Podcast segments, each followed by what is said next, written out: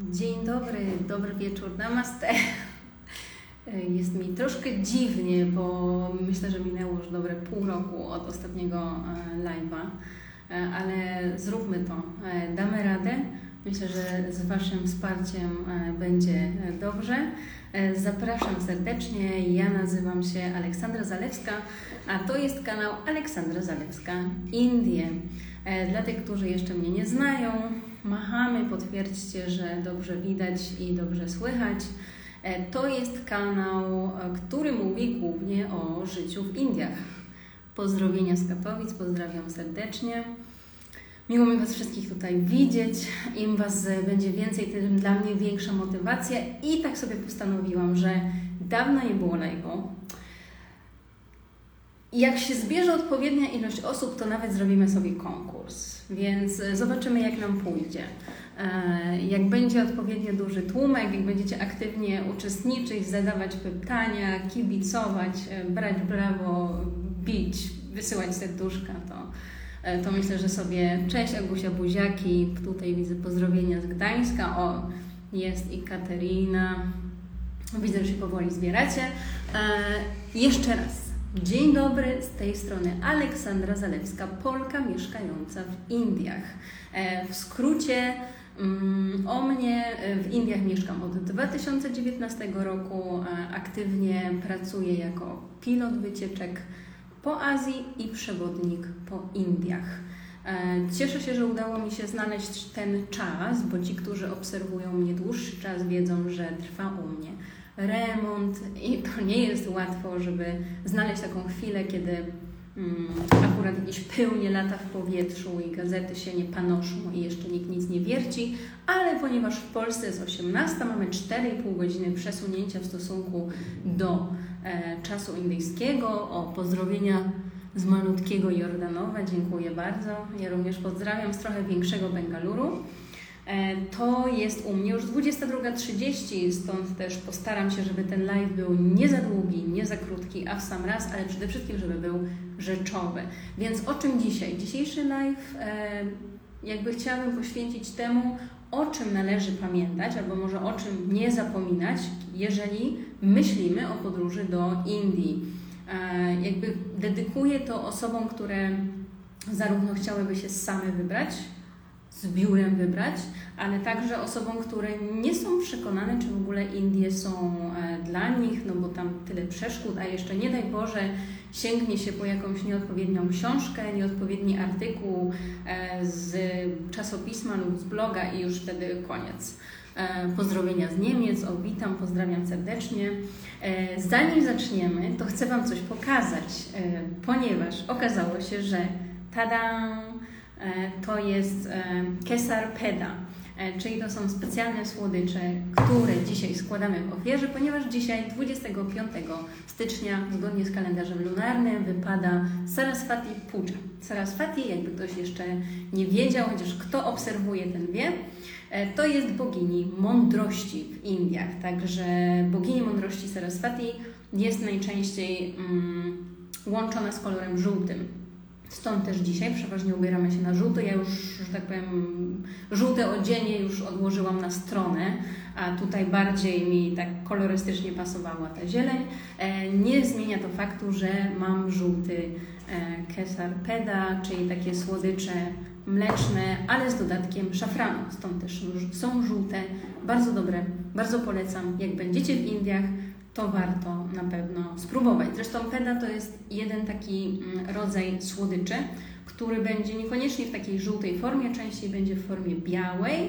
Może być w formie takich trochę ściśniętych krążków jeżeli na przykład wybierzecie się nie wiem, w Kalkucie do e, słynnej świątyni bogini Kali, e, to jej w ofierze właśnie składa się peda. I wtedy kupujemy, tam na straganach pełno tego sprzedają, kupujemy i składamy w ofierze. E, ja będę sobie tak tutaj trochę podpijać. Mm. Mam wodę i oczywiście mam herbatę masala, zresztą jak widać po przyklejonym tutaj kożuchu z mleka. E, więc to tyle w kwestii dzisiejszego święta. Jutro jest również ważne święto, ponieważ jutro jest święto Republiki, 26 e, stycznia. Stąd też jutro u mnie mm, pod blokiem, tutaj mamy oczywiście maszt, więc od godziny 8.30 będzie wciągana flaga na ten maszt. Będzie również uroczyste odśpiewanie hymnu i ja bardzo chętnie będę w tym uczestniczyć, ale nie wiem, czy mi się uda, bo ja raczej jak nie pracuję, to przed dziewiątą nie wstaję. Taką mam zasadę. Ale przechodzimy do tego, co najważniejsze. Ja te tematy związane z tymi wyjazdami, e, tęsknię za Indiami, to się jeszcze waha, to nie ma na co czekać, just go. E, tak, też tak uważam. Ale e, te tematy podzielone mam na takie dwie kategorie. Temat związany z podróżą jako taką i to jest coś, co przyda się każdemu, co dla mnie na przykład jest oczywiste, ale nie dla każdego jest. I skąd wiem, że nie jest? Dlatego, że w już przed pandemią miałam wiele grup, ale wiadomo, przyszła pandemia, ja wpadłam w inny tryb, wiele rzeczy mi gdzieś wypadło z głowy, ale od sierpnia znowu zaczęłam jeździć. Jeździłam bardzo dużo. Od sierpnia tak naprawdę zeszłego roku byłam dwa razy w Indonezji, w Wietnamie, Tajlandii, Kambodży, Nepalu. Um, no, gdzie jeszcze? No tak z grubsza tyle. Byłam nawet w Polsce. E, I teraz wybieram się niebawem na Sri Lankę, także bardzo serdecznie zapraszam. Są jeszcze miejsca i na wyprawę w lutym, i na wyprawę w marcu. Jak ktoś ma ochotę, piszcie do mnie. I to wszystko spowodowało, że natchnęło mnie, że kurczę, jest tyle rzeczy, które mnie się wydają oczywiste, o których wiele razy mówię, powtarzam, to się pojawia w postach, to się pojawia w relacjach, to się pojawia w jakichś artykułach, to się pojawia nie tylko na moim profilu, wielu osób, a mimo wszystko ludzie cały czas mają te same pytania i cały czas mają te same problemy. Mm, I zauważyłam to też obserwując niektóre konta na Instagramie, między innymi Happy and You, pozdrawiam serdecznie. Nie wiem, czy będzie szansa, żebyś e, e, Ewela zobaczyła tą relację, czy nie, ale no mm, Ewelina, która polecam Wam zresztą konto, jest stewardessą, właśnie ostatnio przyleciała do Delhi ze swoim mężem i byli w szoku, ponieważ okazało się, że w Delhi jest zimno. I to jest jeden z takich większych problemów i błędów popełnianych przez e, wielu podróżników. Ja o tym też kiedyś mówiłam przy okazji recenzowania książki e, Beaty Pawlikowskiej, która jest specjalistką od wszystkiego, jak wiemy. E, Beata Pawlikowska, mm, książka Mm, jak to się nazywa? Ja oczywiście nie pamiętam, ale jak sobie wejdziecie na moje konto, wyróżnione relacje i przewiniecie sobie tam do recenzji książek, to jest recenzja tej książki, tam jest coś tam nad Gangesem, chyba blondynka nad Gangesem. W każdym razie pani Beata wróciła do Indii po raz kolejny, bo przecież to nie był jej pierwszy raz, bo już napisała jedną książkę na temat Indii, bo jest ekspertką, wiadomo, od tego kierunku również. I jak napisała tą książkę i wróciła, ponieważ chciała przez te Indie polecieć do Bangladeszu, to się okazało, że w Indiach jest zimno. No i właśnie wielkie, wielkie zaskoczenie. O, pozdrawiamy z Mumbaiu. O, ja też pozdrawiam. Dziękujemy za podzielenie się wiedzą o Indiach, Bangalore. My polecamy Indie na całego. Cieszę się bardzo. Mm, dziewczyny ostatnio zwiedzały ze mną Bangalore, e, głównie, głównie świątynie, ale mm, zostały tak dobrze prześwięcone, że już e, na cały rok im nic nie potrzeba. E, w każdym razie wracając do, do tych zaskoczeń, więc nawet ktoś, kto teoretycznie wie albo wiedzieć powinien, i tak jest zaskoczony, że w Indiach może być zimno. Więc przypominam, pierwszy bardzo ważny fakt: Indie są duże, długie i szerokie. Indie mają 3,3 miliona kilometrów kwadratowych. Są tak długie mniej więcej, jakbyśmy lecieli ze Szwecji do Aleksandrii, jakbyśmy lecieli z Madrytu do Stambułu plus 200 kilometrów, co oznacza, że jest tego tam dużo wciśnięte, więc te strefy się zmieniają, jak łatwo się domyślić. Inna jest pogoda w Szwecji, inna jest w Aleksandrii. Więc jeżeli planujemy sobie wyjazd do Indii, to warto sprawdzić, gdzie i w jakiej porze my się chcemy wybrać, bo ja oczywiście mówię, że Indie to jest kraj na wyjazdy cały rok i co do tego nie ma żadnych wątpliwości. Ale jak już planujemy cały rok wyjeżdżać do tych Indii, to chociaż sprawdźmy gdzie. A niestety grudzień, styczeń i luty to są trzy najgorsze miesiące, żeby przylecieć na północ, czyli żeby przylecieć do Delhi. Więc jak widzicie taką super cenę biletu do Delhi, bierzcie, z założeniem, że jak przylecicie do tego Delhi, to z tego Delhi potem się przemieścicie gdzieś bardziej na południe. Bo na przykład te miesiące właśnie listopad, grudzień, styczeń, luty, marzec to są świetne miesiące do tego, żeby zwiedzić sobie południe Indii. e, wschód Indii, może nawet zachód. E, a ja tęsknię za tym fajnym czasem, jak e, częściej robiłaś live e, w pandemii. No tak, no w pandemii mm, był na to czas. To, to był rzeczywiście czas, kiedy dało się robić live, a potem weszła praca i tego czasu jest coraz mniej. Ale postaram się, żeby mimo wszystko live wróciły, może nie w takiej formie, nie tak długie, nie tyle, ale żeby były. Zresztą planuję jeszcze jeden mm, z gościem w lutym. Zobaczymy, co z tego wyjdzie, bo trochę tam się grafik, tak powiem, kondensuje. E, niemniej jednak e, chcę, żeby przede wszystkim mm, każdy live był dla Was wartościowy, bo jakby dla mnie mm, podstawą tego, żeby się z Wami spotkać w ogóle jest to, żeby te spotkania nasze coś wniosły do, do Waszego życia. Ponieważ moim problemem jako osoby z podznaku bliźniąt, osoby ja ostatnio siedzę w astrologii dużo. Kto, kto, kto obserwuje na bieżąco, ten wie, że ja weszłam w nowe hobby z nowym rokiem w astrologię i tam dużo planet i dużo różnych rzeczy ma znaczenie. No więc ja jestem taką osobą, która uważa, że jak już coś się odezwać, to odezwać się tak rzeczowo, tak z treścią, e, a nie tak gadać o tym, co się dzisiaj jadło na śniadanie i co to się planuje, nie wiem, kupić, e, albo nie wiem, co się właśnie zrobiło, e, gdzie się było i, i co się kupiło na zakupach. No nie wiem, jakoś tak ja nie potrafię. Wiem, osoby, że są osoby, które to robią, robią to świetnie i tak trzymajcie, a ja będę nadal trzymać się swoich treściwych e, spotkań, więc dzisiaj pierwsza najważniejsza rzecz, możecie przyjechać do Indii przez cały rok, tylko sprawdźcie gdzie. Więc jeżeli już chcecie eksplorować północ Indii, to zostawcie ją sobie na taki okres, myślę, od końcówki lutego, marzec, kwiecień, tak do maja, dlatego że potem od maja, czerwca to już się zaczyna robić dość gorąco. I na przykład, jeżeli ja dostaję od biura zapytanie, czy nie poprowadziłabym e, zwiedzania Rajasthanu, nie wiem, w czerwcu, lipcu lub sierpniu, to mówię, że dziękuję, ale chyba nie bardzo, bo jak w Rajasthanie jest mm, 45-50 stopni, to nawet klimatyzacja w autobusach nie bardzo daje radę, a co tym bardziej chodzić, e, gdzie chodzi się, jak wiemy, w miastach, fortach, które same w sobie już są gorące, nawet jest 20 stopni, a przy 40-50 po prostu człowiek się gotuje. Więc moi drodzy, sprawdzamy pogodę. Jeżeli macie jakieś e, wątpliwości co do tego, kiedy, to najwyżej napiszcie. Hej Ole, za 10 dni ruszam do Indii, mam kilka pytań. Bardzo proszę Kasiu, e, pisz. Ja w międzyczasie mam tutaj całą listę tematów, e, które na pewno poruszę, więc najwyżej możemy zrobić tak, że jak ja już będę gdzieś tam kończyć, to do, do tego wrócimy. Tym bardziej, że ostatnio poruszyłam też temat banków i moich zawirowań z kontem. I przy okazji pojawiły się pytania o płatności w Indiach, więc o tym też sobie powiemy. Ale zanim to, to teraz uwaga, to są takie tematy bardzo, bardzo, bardzo neutralne. Czyli mm, przylatujemy gdzieś, na przykład do Indii, na przykład, nie musi być do Indii. Jaki jest standardowy problem? I na przykład ja to bardziej odczuwam, jak e, w momencie, kiedy odbieram grupę, stojąc już na zewnątrz lotniska wychodzicie z lotniska i mówicie ojej, kółko mi ułamali, albo ojej, gnietli mi coś, albo ojej, tam jest coś urwane. No więc to już jest za późno. Zasada jest taka, że jeżeli gdziekolwiek przylatujecie, na jakiekolwiek lotnisko, gdziekolwiek na świecie, jakąkolwiek linią lotniczą lecicie, pierwsze co, jak ściągniecie swoją walizkę z taśmy, to ją oglądacie z każdej strony.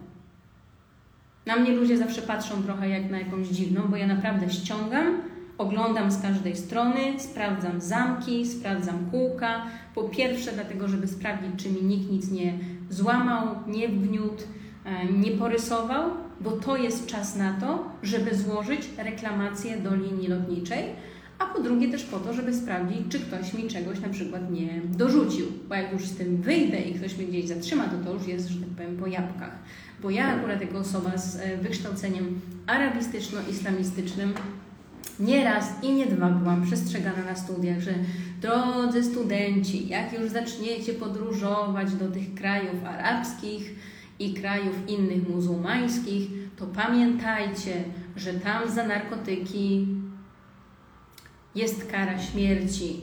Więc nie bądźcie jak pani Basia, która poleciała e, do Arabii Saudyjskiej z miękką walizką i ktoś ją poprosił, żeby przywiozła jakąś e, saszetkę z kawą, czy jakąś torebkę z kawą, którą ona wzięła, wsadziła do siebie i nawet się w sumie nie zastanowiła, żeby sprawdzić, co jest w środku. Tego nie robimy. Sprawdzamy. Jeżeli ktoś nam coś daje, to to sprawdzamy, żeby się nie okazało, że to będzie bilet w jedną stronę. I tak samo y, przestrzegano nas, żebyśmy zawsze mieli twarde walizki, mm, takie z zamkiem oczywiście kodowanym, żeby nie było możliwości, żeby ktoś nam gdzieś w międzyczasie coś dorzucił. Bo w tych krajach i w wielu krajach zresztą azjatyckich, również no w Tajlandii, też bym nie chciała trafić do więzienia. W Indonezji też bym nie chciała trafić do więzienia i w paru innych miejscach, także twarda walizka, ściągamy z taśmy, jak sprawdzamy, czy nikt nam nic nie otworzył, nie przeciął, nie pogiął, nie wyrzucił, nie dorzucił, wtedy dopiero wychodzimy. I teraz tu jest uwaga już taka bardzo indyjska. Polecam pakowanie walizek w kondomy. Kolorowe e, futerały ze świętymi, świetnymi wzorkami można kupić za grosze. No można, aczkolwiek ja nie lubię, bo mnie to irytuje, jak muszę to ubierać. E, jakie aplikacje na telefon? Do tego dojdziemy. Aplikację sobie napiszę. I ważna uwaga, jak lecicie gdzieś w Indiach, przylatujecie do Indii, na przykład lecicie, no nie wiem, przez Katar, przez Dubaj, przez Singapur, jakiekolwiek lotnisko, e, zawsze loty międzynarodowe są bardziej prześwietlane niż te loty narodowe, dlatego że mm, wiele osób podróżując coś przywozi. I nie zawsze to są rzeczy, które przywożą dla siebie. Dobrym przykładem jest to, że na przykład mój ekspres do kawy, który stoi sobie w kuchni, zawdzięczam dziewczynom, które przyleciały z Polski na mm, pobyt ajurwedyjski w zeszłym roku. No więc o ile tutaj ta mm, paczka przyleciała biznes klasą, została sprawdzona, w Kerali tam nikt się nie przyczepił i ja potem sobie leciałam lotem wewnętrznym, tutaj też się nikt nie przyczepił, o tyle zdarza się, że na przykład lecimy sobie z Dubaju do e, tutaj do Indii i e, nie wiem, i mamy jakiś sprzęt elektroniczny na przykład e, w głównym bagażu albo coś tam, co zwraca uwagę celników. Co robią celnicy w Indiach? Zaznaczają kredą.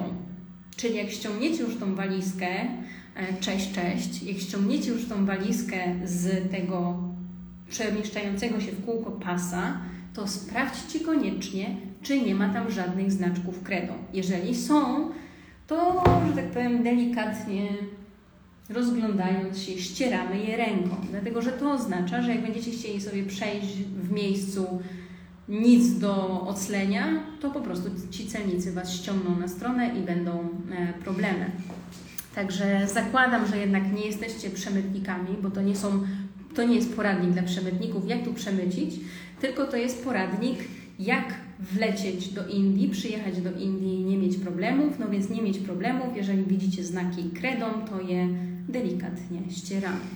Jak polecę za, zabezpieczyć plecak? Nie dam rady jechać z walizką, bo będę się mocno przemieszczać. E, jak je lecisz z plecakiem, to ja bym radziła zrobić tak, jak ja zrobiłam na, lecąc do Maroka z plecakiem, czyli po prostu na lotnisku go zafoliowałam bo jakby nie ma innej e, możliwości. Co prawda w Warszawie, o ile pamiętam, kosztowało mnie to 139 zł i to było w 2018 roku.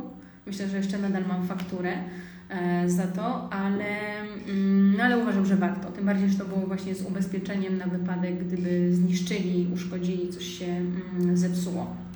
Także takie zafoliowanie wtedy tego Oczywiście można zafoliować też na własną rękę, bo jeżeli ktoś Cię przywozi na lotnisko, nie wiem, i mm, możesz sobie zafoliować, od razu przywieźć zafoliowany czy coś, to, to też jest zawsze jakaś opcja. Akurat takiej nie miałam, więc zawsze można zafoliować gdzieś na, na lotnisku. Więc pamiętajcie, zanim wyjdziecie z lotniska, sprawdzacie walizkę. Kolejna taka ważna e, uwaga, mm, tym bardziej, że ostatnio dostałam takie pytanie, jak wygląda tranzyt przez Indię, czyli na przykład no docelowo może chcecie nawet przyjechać do tych Indii, E, czy lecąc na Sri Lankę też powinnam sprawdzić walizki przy odbiorze? E, tak, znaczy generalnie walizki przy odbiorze sprawdzamy zawsze. E, gdziekolwiek nie lecicie, gdziekolwiek nie lądujecie, to zawsze sprawdzajcie swoją walizkę, zanim opuścicie lotnisko. I jakby linia lotnicza musi przyjąć zgłoszenie. Jeżeli nie zgłosicie szkody, zanim opuścicie lotnisko, zanim opuścicie tak naprawdę to miejsce, gdzie się ściąga te walizki z tego pasa, to już później nikt Wam nie uzna żadnej reklamacji. Także warto o tym e, zawsze pamiętać. A te oznakowania, czy one na Sri Lance też są, nie wiem. Ciężko mi jest stwierdzić, bo nie miałam nigdy takiej przygody, ale zakładam, że jednak ci celnicy jakoś międzynarodowo mają jakieś swoje, ewentualnie mogą Ci coś na tą walizkę e, przykleić. E, no więc kolejna rzecz jest taka, że na przykład lecicie do Indii, ale też lecicie do Nepalu, albo też do Sri Lanki, albo gdzieś indziej macie na przykład tranzyt przez Indię. I co wtedy? Dlatego, że generalnie lecąc do Indii, potrzebujecie e, mieć wizy. Ta wiza e, na 30 dni jednorazowego e, wjazdu była przez dłuższy czas po pandemii bezpłatna. Jak polecisz 3 must have na pamiątkę, prezent z Indii do 20 dolarów każdy. Prezenty, tak, to prezenty też dojdziemy. E, natomiast w kwestii prezentu, bo też żeby nie tracić może na to czasu, mm, odsyłam do mojego profilu i znowu jak wejdziemy w te kółeczka takie niebieskie głównie i niektóre pomarańczowe, czyli wyróżnione relacje, przesuwamy, przesuwamy, przesuwamy. Jest taka relacja z bryloczkiem opisana pamiątki z Indii. Tam bardzo dużo e, pomysłów jest, dlatego że razem z dziewczynami z Azji robiłyśmy. Mm, właśnie taką wspólną relację na temat tego, co przywieźć z którego kraju, więc e, myślę, że tam wiele, wiele inspirujących e, pomysłów się znajdzie. I znowu mamy tranzyt, więc tranzyt do 24 godzin. Jeżeli nie opuszczamy lotniska, to możecie sobie na spokojnie zrobić to bez wizy. E, natomiast jeżeli macie tranzyt 24 godziny, jakiś taki dłuższy i wyjdziecie z założenia, o Jezus, jak mam siedzieć 12 godzin, czy tam ileś godzin na lotnisku, to ja sobie po prostu gdzieś wyjdę, to sobie coś przy okazji zobaczę. No więc jeżeli chcecie opuścić lotnisko, to już musicie mieć wizę. Wtedy możecie, jeżeli nie jako taką wizę e, pobytową, turystyczną, to wystąpić po prostu o wizę tranzytową. E, i wtedy ona Wam daje możliwość wyjścia z tego lotniska, a potem wrócić na, z powrotem. Czy na południu Indii, Kerala wypada chodzić w krótkich spodenkach, na przykład na plaży, i czy mogę być w stroju kąpielowym na plaży? Tak, jak najbardziej, e, jeśli chodzi o stroje, to mm, na dobrą sprawę nawet w centrum Delhi wieczorem, czy w Bengalurze, jak jest gorąco, ja też chodzę w spodenkach, czy w Mumbai, tym bardziej jest to raczej norma. E, w Kerali, e, na Goa, jeżeli jesteśmy gdzieś w rejonie plaży, wszyscy chodzą w krótkich spodenkach, e, z tym zupełnie nie ma problemu. Mm, tak naprawdę, kiedy jest problem z krótkimi spodenkami? Problem jest wtedy, kiedy jesteśmy na zwiedzaniu i chcielibyśmy gdzieś wejść. Czyli jakby moja porada, jedna z wielu, które tu dzisiaj dla Was mam, jest taka, że jeżeli wybieracie się do Indii, to raczej miejcie ubrania lekkie, um, przewiewne, które zakrywają kolana i zakrywają ramiona. E, więc ja z zasady, jak gdzieś podróżuję, i to są nie tylko Indie, jakikolwiek kraj, i wiem, że może się trafi właśnie jakaś świątynia. No bo na dobrą sprawę, jeżeli zwiedzam jakikolwiek inny kraj, gdzie a może będzie jakiś ładny kościół, jakaś ładna katedra, jakaś świątynia buddyjska, a może jakiś meczet, a może coś, no to zawsze jednak lepiej mieć na sobie strój, gdzie mamy zakryte ramiona i mamy zakryte kolana, bo wtedy możemy spokojnie wejść.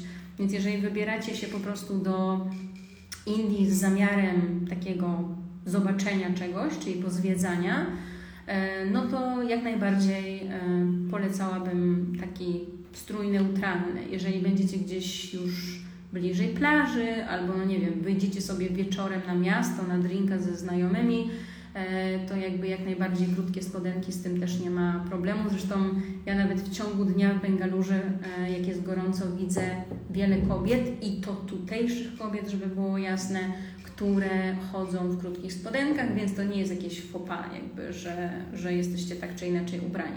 Jakby macie się czuć e, komfortowo. Ja tylko Polecałabym nie eksponować się jakoś e, bardzo, jakieś takie, wiecie, t-shirty z powycinanymi nie wiem czymi, jak tutaj jakieś, wiecie, staniki, paski, bo to teraz różne takie rzeczy są, takie tutaj jakieś paski, tam jakieś paski, tu powycierane, tu widać, no tak może niekoniecznie, bo to są jednak rzeczy, które no okej, okay, na Goa, gdzieś tam w Kerali, na wybrzeżu, w Delhi, Bengalurze, Mumbai przejdzie, ale jak już gdzieś pojedziemy sobie, no nie wiem, do Agry, żeby tam zobaczyć Taj Mahal, czy będziemy łazić po Jaipurze, czy gdzieś, to już tak nie bardzo, nie bardzo. No i teraz tak, przelatujemy przez Indię, więc potrzebujemy wizy tranzytowej, o ile jest to przelot dłuższy niż 24 godziny, albo o ile chcemy opuścić lotnisko. E, żeby przylecieć do Indii, e, potrzebujemy wizy turystycznej. O taką wizę można wystąpić online. E, aplikacja trwa, no, w zależności jak komu to szybko pójdzie, ale około 30 do 40 minut. Formularz się wypełnia. Z zasady nie ma problemu raczej z tymi wizami turystycznymi. Problematyczne są wizy takie długoterminowe jakieś biznesowe, do pracy, albo tak jak dla mnie, w momencie, kiedy mam męża z Indii i to jest jakaś wiza tam taka, sraka i owaka, to wtedy to już się rzeczywiście czepiają wszystkie dokumenty. Natomiast dla turysty jako takiego raczej problemu nie robią, bo wszyscy wiedzą, że turysta to są pieniądze.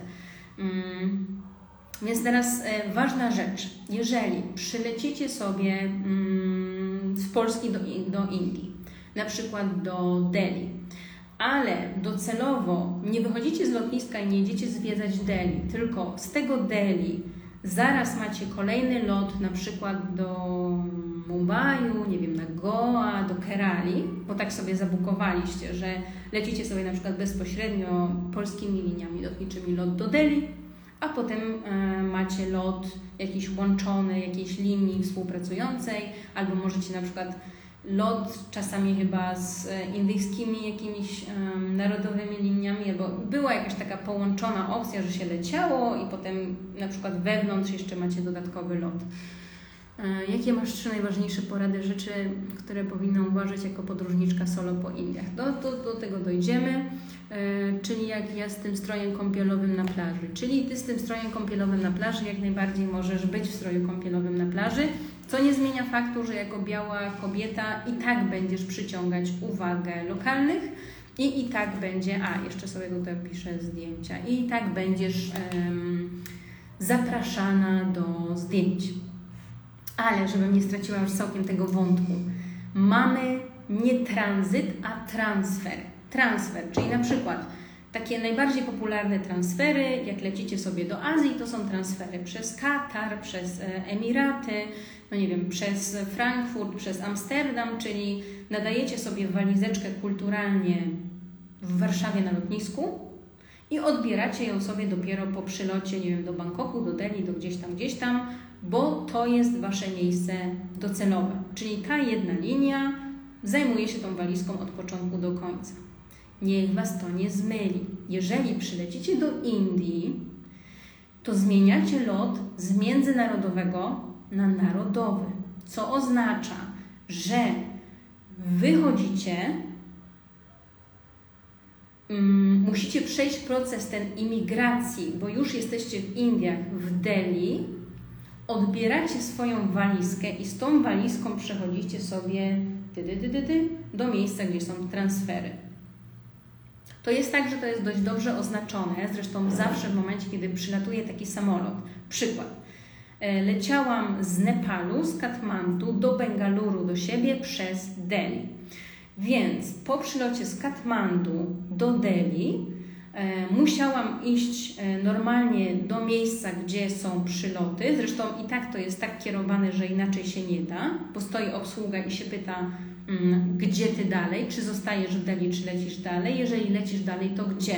Jeżeli lot narodowy, to kierują cię na immigration. Na immigration, czyli że Musisz przyjść z paszportem, musisz przyjść z wizą, wszystko pokazać, przejść cały proces, do którego zaraz dojdziemy i ty, ty, ty, ty, ty idziesz sobie do miejsca, gdzie odbierasz walizkę. Jak odbierzesz sobie swoją walizkę, to za chwilę wychodzisz w prawo i kawałek dalej po przejściu 50 metrów mniej więcej masz miejsce, gdzie z powrotem wracasz i są trzy okienka, gdzie się z powrotem nadaje ten bagaż, bo teraz już nadajemy sobie ten bagaż na lot narodowy. Dlaczego tak się dzieje? Dzieje się tak dlatego, że jeżeli by się okazało, że my właśnie sobie na przykład jakiegoś, nie wiem, nowiutkiego iPhone'a przywozimy, czekajcie od jakieś za tydzień lecę do Indii, bo mi tutaj to znika. Zastanawiam się, czy będzie mi łatwo znaleźć jedzenie, które nie zawiera nabiału. Ostatni raz byłam, mogłam jeść, yy, nie mogłam jeszcze go jeść, teraz już nie, obawiam się zatrucie. Yy, jedzenia bez nabiału jest bardzo dużo. Bardzo, bardzo, bardzo dużo. Generalnie trzeba tylko poprosić, żeby to było coś bez jogurtu i bez sera panir. A, a ponieważ mamy w Indiach bardzo dużo warzyw, E, to też nie widzę najmniejszego problemu, bo dań, które są na samych warzywach, to łohoho od zatrzęsienia. Także naprawdę nie ma z tym kompletnie. E, wegańskich, bezglutenowych i tak dalej, to tego wszystkiego jest tutaj masa. E, I wracam do tego transferu. No więc chodzi o to, że jeżeli przylatujecie sobie do Delhi i byście mieli takiego nowiutkiego iPhone'a w tej walizce, to już w Delhi rząd Delhi będzie sobie chciał ściągnąć mm, podatek i cło za tego iPhone'a u siebie. Więc oni nie będą dawać szansy temu, że nie wiem, rząd w Karnatace, Kerali czy gdzieś tam w Mumbai sobie to ściągnie, tylko jakby zasada jest taka, że ten stan, do którego przylatujecie z zewnątrz, w razie czego, jeżeli są jakieś cła, to oni sobie pobierają jakby u siebie ten podatek. E, dlatego Wy odbieracie tą walizkę po takim międzynarodowym przylocie jeżeli teraz dalej lecicie z Delhi do Mumbai, Goa, Kerali, to musicie z powrotem iść i nadać tą walizkę. I jak nadacie tą walizkę, to macie osobne przejście zaraz koło tego e, okienka do e, security, czyli do tej e, kontroli bezpieczeństwa, żeby Was z powrotem wpuścili tak naprawdę do tej strefy nazwijmy to wolnocłowej, e, lotniskowej i później już e, do gate'ów. Także to jest dość ważna rzecz, żeby się nie okazało, że sobie myślicie, a ja tam lecę transferem, to walizka sobie poleci dalej, bo wy sobie potem przylecicie z tego Delhi do Bengaluru i się okaże, że waszej walizki nie ma, a ona sobie dalej jeździ na tym pasie tam w Delhi. Albo ktoś ją ściągnął w najlepszym wypadku i będą do Was dzwonić, czemu Pani sobie nie odebrała swojej walizki. E, kolejna rzecz, bardzo ważna i też neutralna podróżniczo, kontakt, ładowarka, przejściówka, rozdzielacz. Czyli pamiętajmy o tym, że kontakty, tu za mną zresztą widać kontakt, to jedno to jest gniazdko, co prawda sieciowe, ale to drugie to jest kontakt. Kontakty w Indiach są zupełnie inne. Kontakty generalnie w większości krajów się trochę między sobą różnią. Plus jest taki oczywiście, że jak mamy taki kontakt, to taka polska ładowarka mi do niego w miarę y, wejdzie. Ale to też nie jest tak, że wszystkie kontakty są takie same, bo niektóre mają takie grubsze, potrójne jakby wejście i na tym wejściu już nasza polska ładowarka nie wejdzie. Więc co wtedy najlepiej zrobić? Wtedy najlepiej mieć po prostu mm, przejściówkę, taką neutralną. Można sobie kupić, nie wiem, gdzieś tam na pewno na jakimś Allegro albo czymś innym jakiejś innej platformie internetowej coś takiego jest. O, tutaj się coś pojawiło. Mój syn ze znajomymi z krakowskiego AGH dwóch dni są w Bengaluru. Będą brać udział w zawodach łazików marsjańskich. Okej, okay, pozdrawiamy syna, zapraszam. Będę lecieć do Delhi, a następnie do Katmandu. Są to dwa oddzielnie kupione loty. Jak wygląda sytuacja z wizą indyjską? Takim przypadku. Tydzień później wracam z powrotem do Indii. No właśnie, o czymś takim mówiłam. Generalnie, mm, jeżeli będziemy lecieć do Katmandu, czyli to będzie międzynarodowy lot, to najpewniej nie ma e, problemu, bo to będzie tranzyt, zakładam, szybki, czyli jakaś taka przesiadka, powiedzmy, nie wiem, 3 godziny. E, I wtedy jakby ta linia, ponieważ jest to lot międzynarodowy, ona już wysyła dalej ten e, bagaż i my sobie po prostu przechodzimy przez tranzyt dalej. E, natomiast jeżeli jest to, jeżeli potem wracasz do Indii, no to już wtedy musisz mieć normalnie turystyczną wizę i ona już będzie sprawdzana, wbijana mm, do paszportu. Do momentu, kiedy nie opuszczamy tej strefy tranzytowej, to ta wiza turystyczna nie jest nam potrzebna. Jeżeli mamy zamiar polecieć do Nepalu i wrócić do Indii, to tą wizę turystyczną już musimy mieć. Więc z tymi przejściówkami to jest tak, że ona się przyda i tak samo przyda się tak zwany rozgałęziacz, tudzież rozdzielacz. Bo jaki jest często problem? Problem jest taki, że jest mało kontaktów. Dlatego, że na przykład, y, no nie wiem, kontakty są w taki sposób umieszczone i tak porozdzielane, że w zasadzie takich kontaktów, do których chcielibyśmy mieć dostęp, to jest może jeden albo dwa. A my jako podróżnicy XXI wieku mamy jeden telefon, drugi telefon, nie wiem, komputer, gimbala, na którym ja właśnie tutaj, no on jest akurat naładowany, ale plus jeszcze jakiś milion innych sprzętów, e, które muszą się ładować. Więc ja bym radziła Wam zawsze mieć przejściówki, e, mieć e, właśnie mm, rozgałęziacze, rozdzielacze, bo to jest coś, co naprawdę nam często uratuje życie i to nie tylko w Indiach. Jeszcze jedna bardzo, bardzo, bardzo ważna rzecz mm, i też neutralna, to jest pamiętajcie o tym, że jest coś takiego jak doba hotelowa. I to jest rzecz, która wynikła jeszcze w zeszłym roku, jak była cała, przepraszam za stwierdzenie, gówno burza z jedną z influencerek, jak to się żaliła, jak to jest strasznie okropnie w tych Indiach. Między innymi była oburzona, ale to oburzona, że przyjechała o 6 rano mm, do hotelu i nie ma dla niej pokoju. No więc moi drodzy, uczulam, przypominam, że międzynarodowym standardem jest to, że doba hotelowa zaczyna się o godzinie 14 lub 15, a kończy się o 11 lub o 12. I to jest coś, co jest wszędzie na całym świecie. Oczywiście można napisać do hotelu i poprosić, czy byliby Państwo tak mieli, jeżeli będą dostępne e, pokoje, że ja tutaj przylatuję rano i chętnie bym chociaż skorzystała z prysznica i zostawiła sobie bagaż. I wtedy może się okazać, że to się uda. O ile będą pokoje, o ile hotel ma taką ochotę. E, jeżeli bilet do Delhi i później do Katmandu różnych linii lotniczych, może być, że trzeba by e, bagaż odebrać i nadać na nowo. Tak, no jeżeli różnych linii, to też tak może być, ale wydaje mi się, że, że, że, że y, to jest jakoś lot łączony Air India, coś takiego, o ile dobrze pamiętam. Wodę, gdzie kupujesz, żeby mieć gwarancję czystości. E, to też zaraz powiem. No więc, woda, e, więc ta doba hotelowa, ona jest neutralnie, międzynarodowo, wszędzie, zawsze od 14.15 do 11.12. Hotel, jeżeli może, chce, ma taką ochotę i dostępność, może Wam udostępnić pokój wcześniej i może Wam go przedłużyć również, przeważnie za dodatkową opłatą. Także zamiast robić e, wielki szum w mediach społecznościowych, E, to po prostu e, znajmy mm, takie podstawowe i najważniejsze rzeczy. Jeszcze myślę, że bardzo ważna i też neutralna kwestia w temacie lotów. Ja nigdy nie rezerwuję żadnych lotów przez żadnych pośredników. W sensie chodzi mi tutaj o pośredników typu jakieś, nie wiem, jakieś podstrony, nawet w sumie nie znam ich nazw.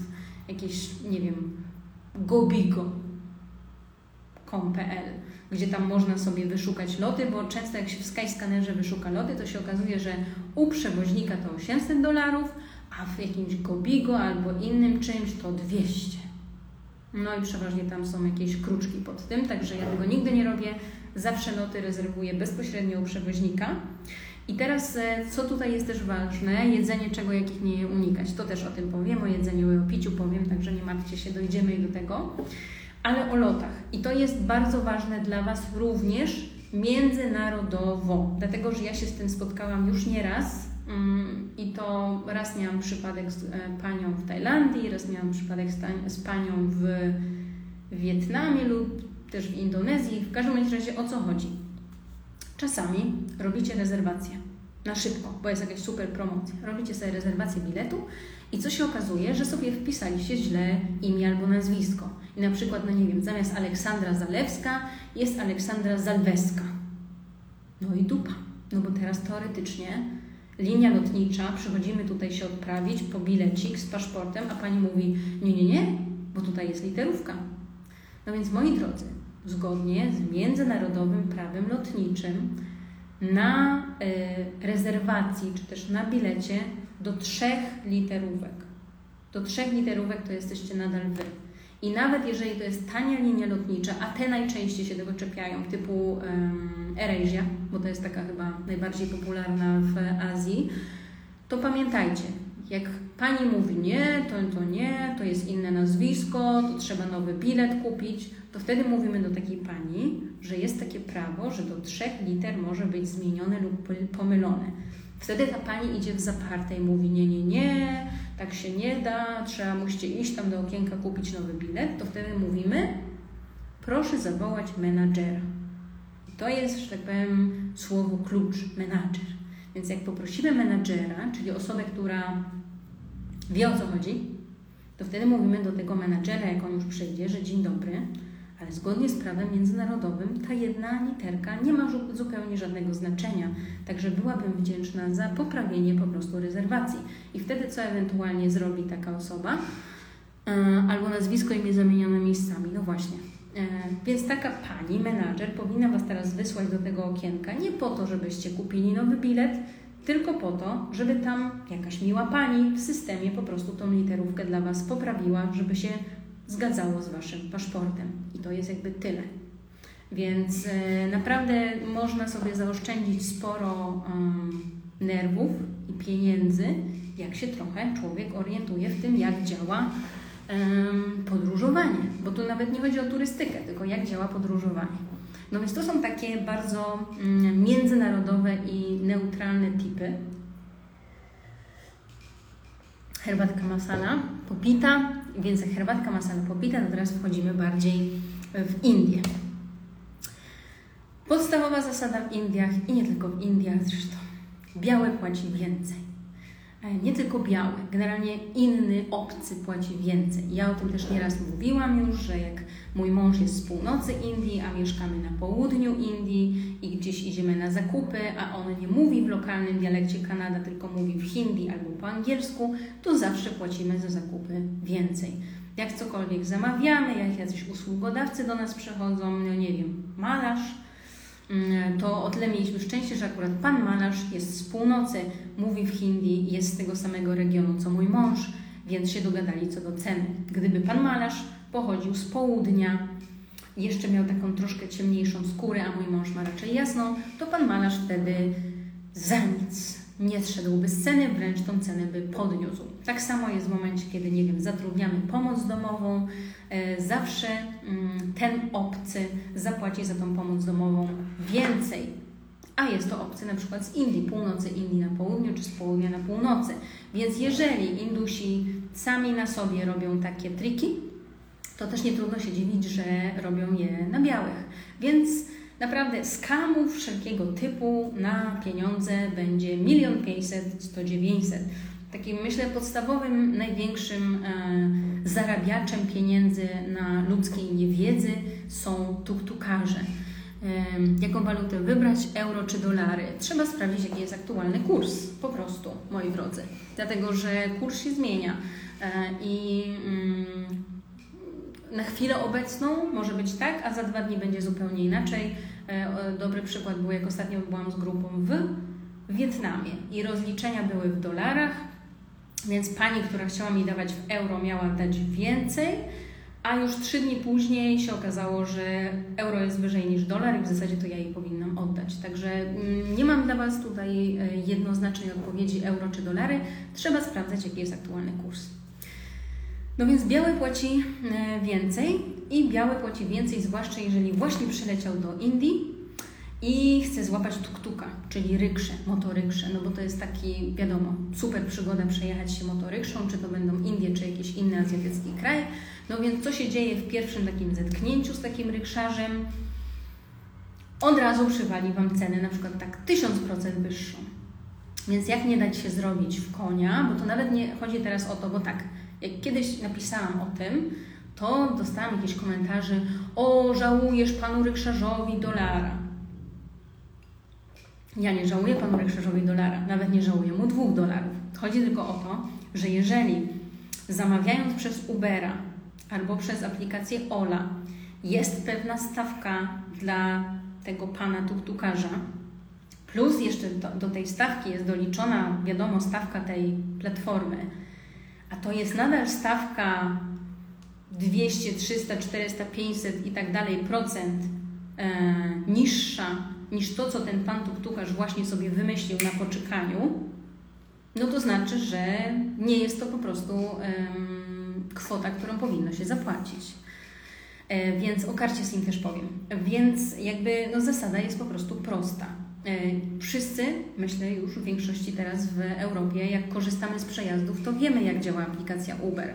Więc zanim przylecicie sobie do Indii, ściągacie sobie Ubera i w momencie, kiedy tylko połączycie się z jakimś najbliższym Wi-Fi, to może być nawet Wi-Fi e, na lotnisku, to wiecie, że chcecie, nie wiem, z tego lotniska, czy z tego hotelu, czy z tego zabytku gdzieś tam sobie dojechać, więc wpisujecie sobie z tego do tego miejsca. I nawet jeżeli nie będziecie zamawiać z tej aplikacji, bo nie wiem, stwierdzicie, że nie, bo teraz się gdzieś tam przejdziecie, a może później, a może coś, to już przynajmniej wiecie, że na przykład w Delhi za taki odcinek płaci się tyle, a w Jaipurze za taki odcinek płaci się tyle, a w Bengalurze, a w Mumbai, a w Agrze, a gdzieś tam w Hydrabadzie za ten i za ten odcinek mniej więcej drogi płaci się tyle. Prawda jest taka, że im odcinek dłuższy, tym kwota jest niższa, bo ja na przykład jeżdżąc swego czasu z tego mieszkania do mojego poprzedniego mieszkania, jeszcze jak trwał remont i mieszkaliśmy obok, to płaciłam na przykład 90 rubli, a to jest półtorej, półtorej kilometra. A ostatnio jadąc ten sam odcinek, mimo tego, że paliwo poszło do góry, e, plus drugie tyle, mm, no to zapłaciłam jakieś 140 rubli. E, więc jakby jak, jak trasa się wydłuża, to ta kwota też się troszkę zmniejsza, także po prostu ufam, ale sprawdzam, no stara stalinowska e, zasada. Więc oczywiście wiadomo, że jeżeli, nie wiem, pójdziecie na bazarek i będziecie chcieli sobie kupić kilo mango i to mango tam jest cena, nie wiem, nie jest napisana, albo jest napisane 30 i teraz, nie wiem, zapłacicie dwa razy tyle, bo pani Wam tutaj, nie wiem, tak pokalkulowała, żeby się jej zgadzało, no to wiadomo, że jak 70 rubli, a w tej chwili już 80 rubli to jest 1 dolar, no to jak zapłacicie, nie wiem, 2 dolary, no to nikt jeszcze z głodu z tego powodu z Was nie umrze. Ale naprawdę będzie wiele e, rzeczy, na których po prostu będą chcieli na Was zarobić, dlatego że jesteście z zagranicy. Co tu jeszcze się pojawiło? Ubezpieczenie, na co zwrócić e, uwagę kupując. Oj, co do ubezpieczenia, to ja myślę, że odeślę Was po prostu do specjalistki od wakacji, czyli do Marty Knasieckiej, która ma cały wielki, ogromny artykuł na ten temat, nieraz o tym pisała. Mm, na co zwrócić uwagę? Myślę na to, żeby po prostu działało. E, więc ja mam różne doświadczenia bardzo z ubezpieczeniami. Mm, myślę, że to też się trochę zmienia z roku na rok, bo ja pamiętam, jak jeszcze byłam młoda i piękna i miałam kartę Euro 26, to wtedy życie było łatwiejsze i tańsze i kupowało się tą kartę i rzeczywiście Mm, wtedy tą kartę obsługiwała Signal Iduna i było to tak, że jak będąc e, w pracy w Turcji miałam jakieś infekcje oka, e, zadzwoniłam na assistance, myk i już lekarz był. Jak tam trafiłam gdzieś tam kiedyś do szpitala i tam był jakiś pobyt, w ogóle zadzwonić na assistance, wszystko zostało rozliczone e, bezgotówkowo, nigdy nie było żadnego mm, problemu, więc ja na przykład Signal Iduną nigdy problemów nie miałam.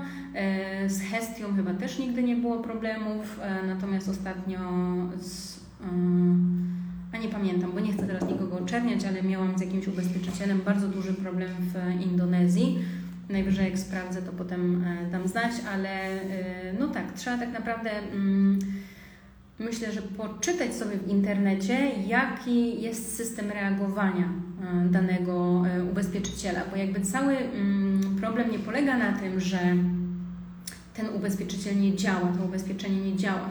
Tylko problem polega najczęściej na tym, że na przykład e, zdarza się jakiś wypadek e, i o ile jesteśmy mądrzy i przygotowani i mamy jakąś gotówkę, tudzież pieniądze, kartę e, pod ręką i jesteśmy w stanie to zapłacić, to będzie ok. Czyli pamiętajcie, jeżeli cokolwiek się wydarza na Waszym wyjeździe, czy to w Indiach, czy gdziekolwiek, najpierw dzwonimy na assistance musimy zgłosić szkodę. Jeżeli nie zgłosimy szkody, to potem nikt nam tych pieniędzy nie odda.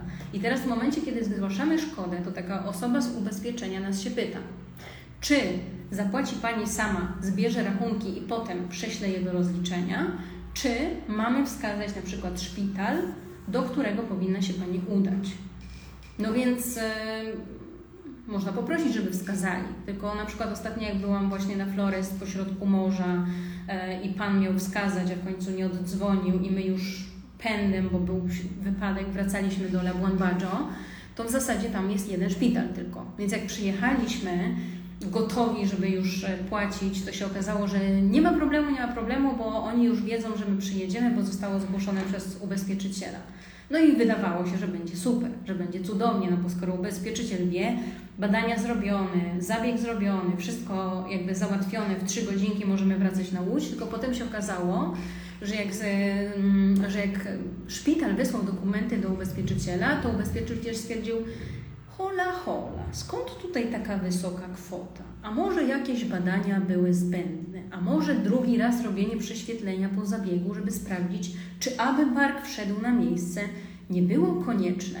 I się okazało, że tak czekaliśmy 15 minut, godzinę, drugą, trzecią, i w końcu e, ubezpieczyciel stwierdził, że to trzeba, oni muszą to skonsultować z lekarzem i jak najszybciej dadzą znać, ale jak najszybciej nie miało żadnych ram czasowych. E, co doprowadziło do tego, że ten e, rachunek na małe 3000 dolarów pani zapłaciła sama z założeniem, że potem rozliczy się po prostu z tym ubezpieczycielem w Polsce, bo innego wyjścia nie było, jeżeli mieliśmy zrealizować program. Także naprawdę z tymi ubezpieczycielami trzeba uważać, po prostu poczytać w internecie, jakie ludzie mają z nimi e, doświadczenia. Wspominasz proszę o sprawach covidowych w lotach wewnętrznych i w ogóle w Indiach. Tak, o sprawach covidowych też zaraz wspomnę. E, czyli tak, co my tutaj mamy? Bardzo, bardzo, bardzo ważna rzecz jest też taka, na czym ostatnio właśnie się przejechała e, Ewela, jak była e, w Delhi i w poniedziałek chciała iść zwiedzać Czerwony Fort. Moi drodzy, w poniedziałki większość zabytków w Indiach jest zamkniętych. Powiem więcej, niektóre kraje azjatyckie już też zaczynają to wprowadzać. Na przykład ostatnio chyba w Indonezji się okazało, że gdzieś tam w jakichś miejscach w Dżokjakarcie coś tam jest e, zamknięte. Więc planując swoje zwiedzanie, planując swoją jakąś tam wycieczkę objazdową na własną rękę czy z biurem, zwracamy uwagę na dni tygodnia, dlatego że w poniedziałek właśnie większość rzeczy jest zamknięta. Jest zamknięta, na przykład właśnie Czerwony Fort będzie zamknięty, ale jeżeli jesteśmy na południowym wschodzie i z Mumbaiu postanowimy wybrać się do Aurangabadu, a z Aurangabadu do e, słynnych jaskiń Ajanta i Ellory, to teraz uwaga, Ajanta jest nieczynna w poniedziałek, Ellora we wtorek. Tudzież ewentualnie może być na odwrót, ale generalnie chodzi o to, że wtorek też jest tam zamknięty. Więc jeżeli planujemy się wybrać w tamten region, to miejmy na uwadze, że wtorek też może być zamknięty. Teraz, jeżeli jesteśmy w Agrze i musimy zobaczyć oczywiście Taj Mahal, no to jeżeli chcemy zobaczyć Taj Mahal, to nie możemy pojechać do Agry w piątek, dlatego że Taj Mahal, jakby nie było, budynek muzułmański, jest tam meczet, piątek, dzień święty dla muzułmanów, więc piątek Taj Mahal jest dla turystów po prostu zamknięty. Także zanim zaplanujemy sobie cudownie naszą trasę, jak to, co my tam nie będziemy i ile zwiedzać którego dnia, to sprawdźmy dobrze, kiedy i który dzień wypada nam na jakie zwiedzanie. Więc jeżeli mamy jakiś, nie wiem, pobyt leżakowanie albo, nie wiem, jakieś shoppingi i tak dalej, to wciskamy je na poniedziałek, ewentualnie wtorek albo na piątek. E, teraz e, w kwestii właśnie mm, płatności. E, jak to jest z tymi pieniędzmi? Bo wszyscy się mnie zawsze właśnie pytają albo właśnie o to, czy dolary, czy euro. Tu nie ma dobrej odpowiedzi, trzeba sprawdzić to na bieżąco. Ewentualnie pytanie też polega na tym, jak płacić, czym płacić w ogóle i czy warto wieść gotówkę, czy może lepiej mieć, um, czy może lepiej mieć, jak się ta karta nazywa? Um, rewoluta. O, rewoluta. Ja nie pamiętam, bo ja nie mam.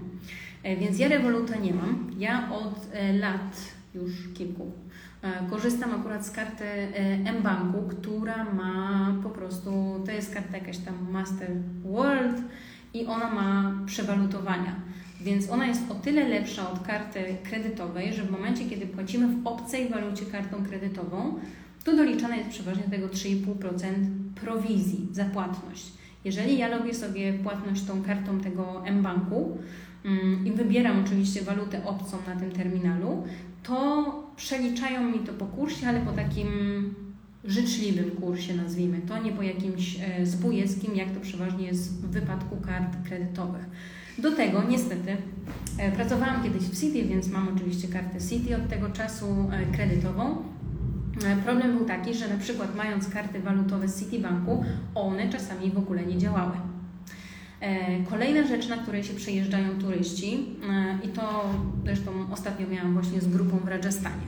Przyjeżdża sobie taka grupa, oczywiście mają jakieś tam trochę pieniędzy w kieszeni, jakieś tam dolary na wymianę, no, żeby tam jakieś małe zakupki zrobić, wiadomo, e, plus jakieś tam może jedzenie sobie kupić, no bo tam najczęściej wiadomo jakieś obiady, kolacje nie są w cenie.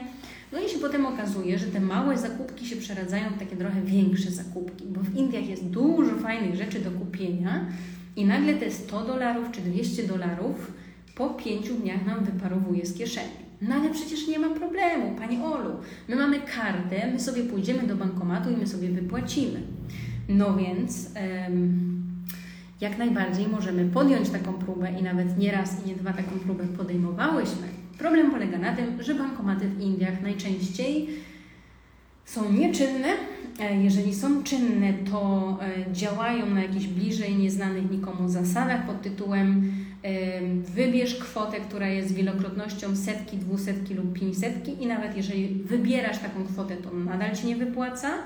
E, ta kwota jest za duża, a w ogóle to skończyły się pieniądze i podejmujesz, nie wiem, 5-10 prób wypłacenia tych pieniędzy i one po prostu stamtąd nie wychodzą, albo się zawiesi bankomat, albo nie ma gdzieś bankomatu, albo jak już ewentualnie uda nam się dojść do tego momentu, kiedy ha, będziemy wypłacać, to co się wtedy najczęściej okazuje? że jeszcze od tej wypłaty trzeba zapłacić podatek i prowizję. I to jest rzecz, o której ludzie najczęściej zapominają, bo ludziom się wydaje, że a, jak ja już mam rewoluta, to ja już jestem światowym człowiekiem, już nic mnie nie zatrzyma, nas nie dogonią po prostu. No i e, pozdrawiam Arka, e, który był ze mną w Tajlandii, bo z Arkiem się założyliśmy i dzięki temu wygrałam dwa Red Bulle, bo Arek też przyjechał z rewolutem. Olka, ja Ci mówię, na rewolucie wypłacam sobie bez prowizji ze wszystkich bankomatów na świecie. No więc nie, bo w Tajlandii jakąkolwiek nie masz kartę, to zawsze minimum 220, to było jeszcze chyba przed pandemią, e, tajskich batów prowizji taki bankomat sobie ściąga. I wygrałam.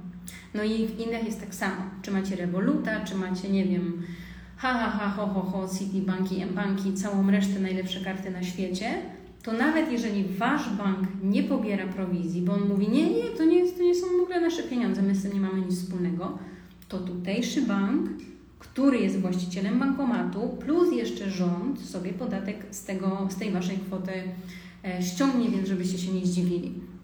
Proszę o odpowiedź na pytanie. Jadę do Delhi w połowie lutego, dlatego pytam, czy w tym czasie wziąć ze sobą letnie ubrania, czy raczej z długim rękawem.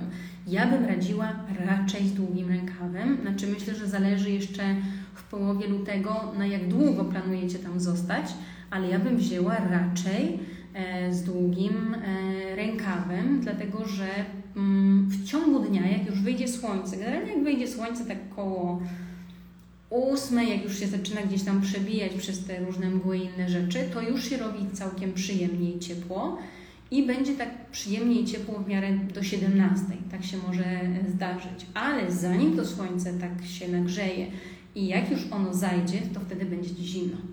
Więc ja bym e, szczerze powiedziawszy radziła, e, jadąc na północ Indii w miesiącach takich jak grudzień, styczeń i luty, żeby jednak sobie mm, jakieś cieplejsze ubrania mieć. Tym bardziej, że ostatnio e, akurat mm, moja rodzina mężowa mieszka na północy Indii więc jak do nich widzę, dzwonię, to widzę, że na przykład rozmawiamy sobie i oni są poubierani w kurtki, bo problem w Indiach polega na tym, że przez to, że zima jest krótka, to nikt się nie bawi w e, instalowanie żadnej instalacji grzewczej. Więc e, przez te 2-3 miesiące to po prostu chodzi się w domu w kurtce, czapce, rękawiczkach, szaliku, czasami również jak potrzeba hej, czy zapiszesz live? E, postaram się zapisać live, natomiast problem polega na tym, że to jest Instagram. E, a Instagram czasami lubi się wykrzaczyć, więc ja owszem postaram się live'a zapisać, ale czy on się zapisze, tego nie gwarantuję. Czy ciężko będzie żyć w Polsce na indyjskiej wsi z tamtejszymi zasadami? Czy ciężko będzie żyć, a Polce chyba, na indyjskiej wsi z tamtejszymi zasadami? E, to trzeba by zapytać Marty, która ma też kanał na YouTubie. Ona ma męża z Pendżabu i właśnie zawsze e, się martwi, jak to jedzie do swoich teściów na, na wieś i że będzie musiała e, miotełką tam zamiatać mieszkanie e, i w ogóle, że tam prawie sklepów nie ma. Ja myślę, że to zależy jaka wieś, bo wieś wsi chyba e, nierówna. Zresztą jest też dziewczyna, przepraszam, ale też nie pamiętam imienia, bo ja generalnie nie pamiętam nigdy imion ludzi, która mieszka w Tamil Nadu e, na wsi.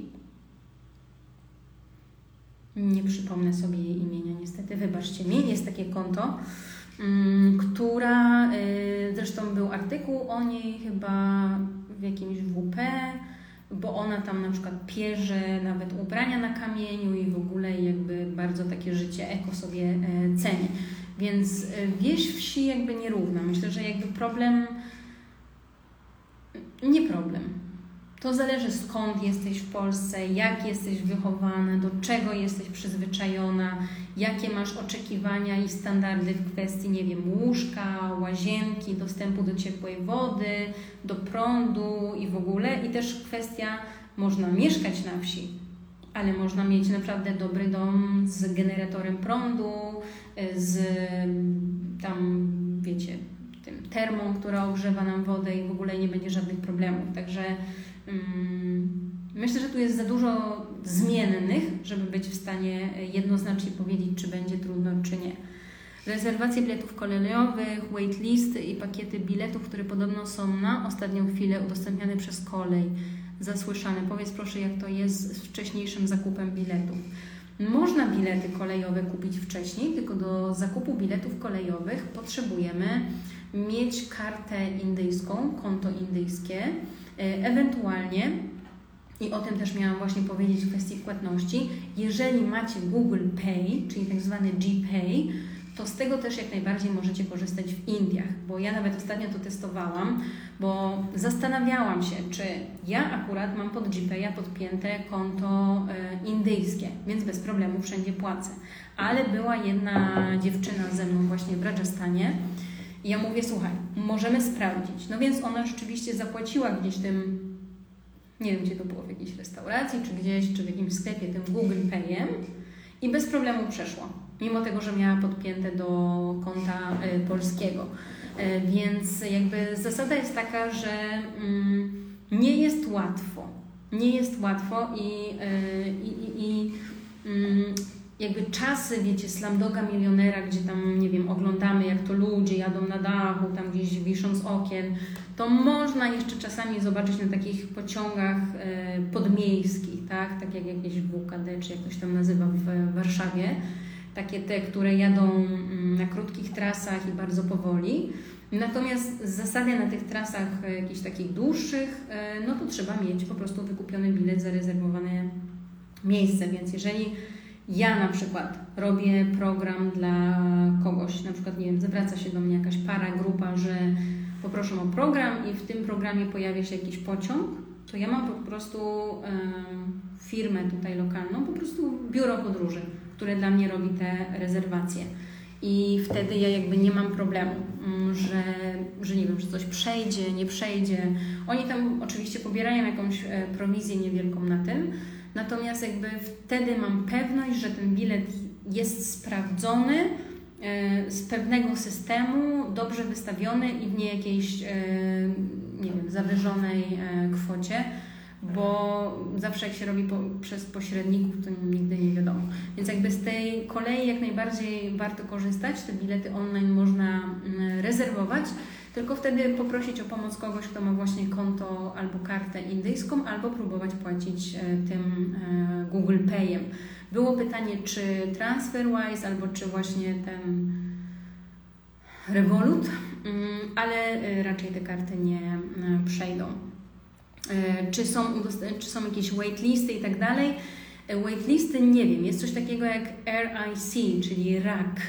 E, I to jest oznaczenie pociągu, które oznacza, że ten pociąg może, ale nie musi pojechać w zależności od tego, ile będzie chętnych, żeby nim jechać.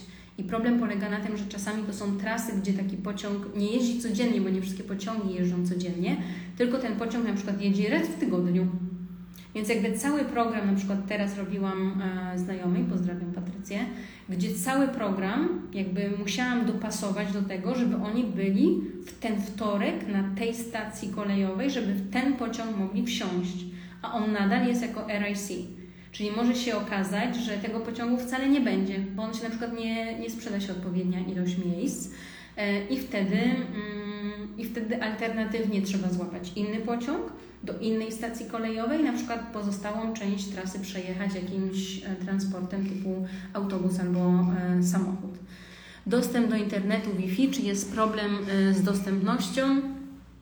Jak widać, mam płynny przepływ internetu.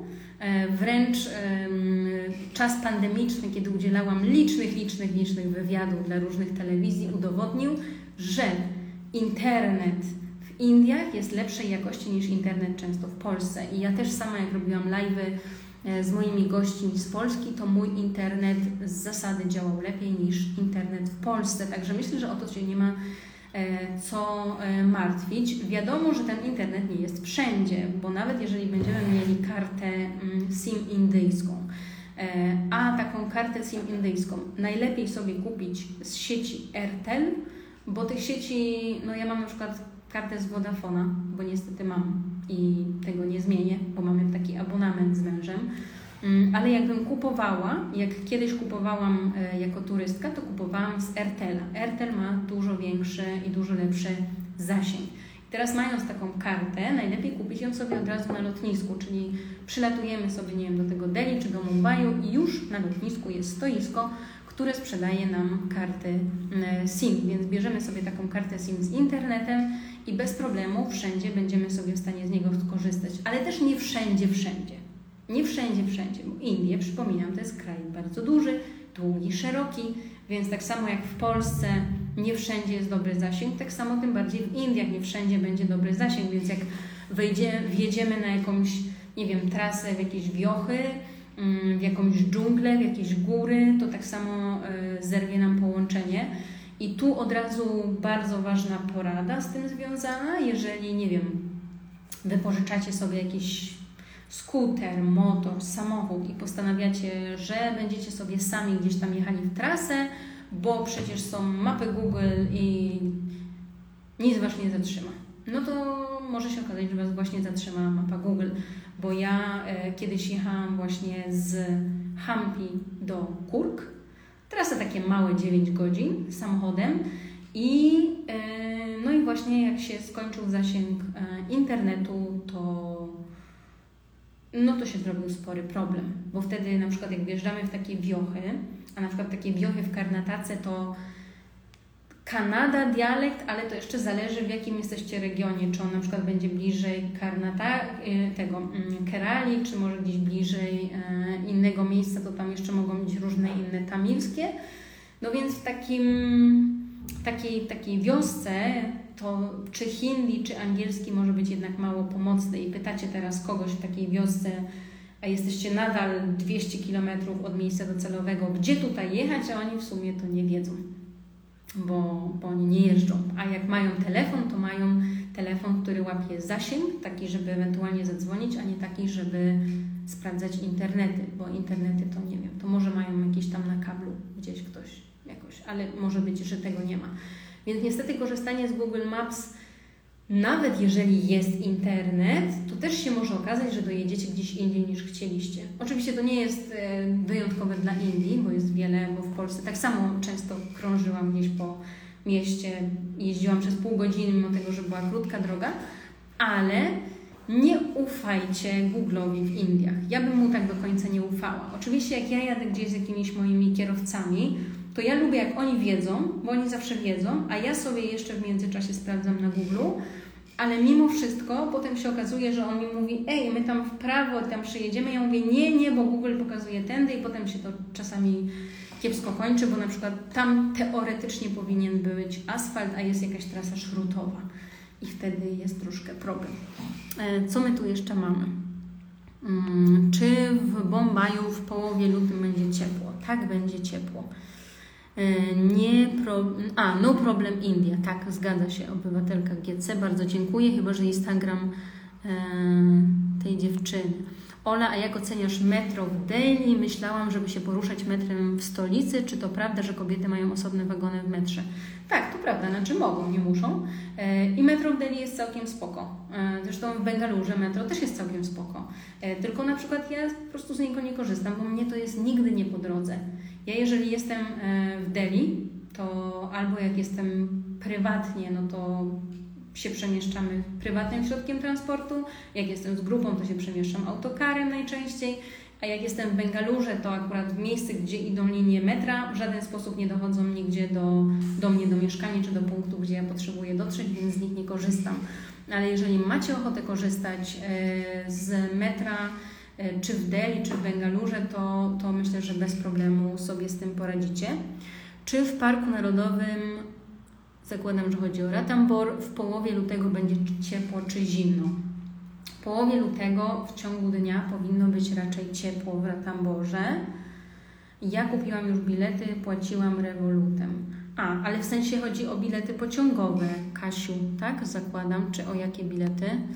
Czy na stacjach są oznaczenia po angielsku? Zastanawiam się, jak będę w stanie znaleźć peron i pociąg.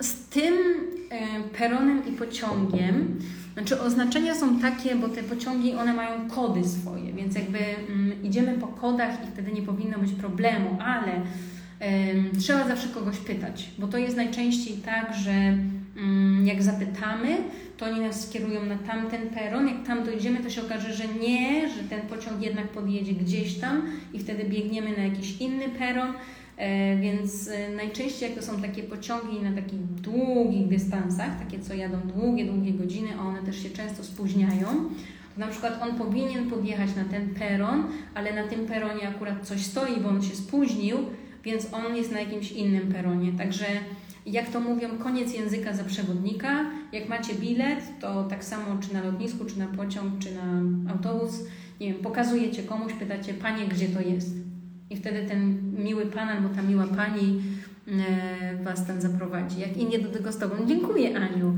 Ja cały czas na Ciebie czekam, jeszcze się nie doczekałam.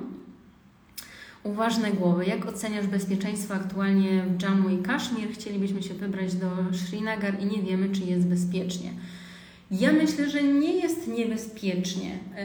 Trzeba pamiętać o tym, że nawet jak był ostatni jakiś zamaszek, to, był, to, to są raczej takie zamachy na punkty wojskowe, a nie na mm, takie stricte turystyczne. Ewentualnie w Jammu był na y, lotnisko y, jakiś dronowy, bombowy w 2000. Nawet nie wiem, czy to było w zeszłym roku, czy rok wcześniej. Myślę, że nie jest źle. Znaczy, ja nie chcę ani zachęcać, ani zniechęcać. Tak bym to może powiedziała.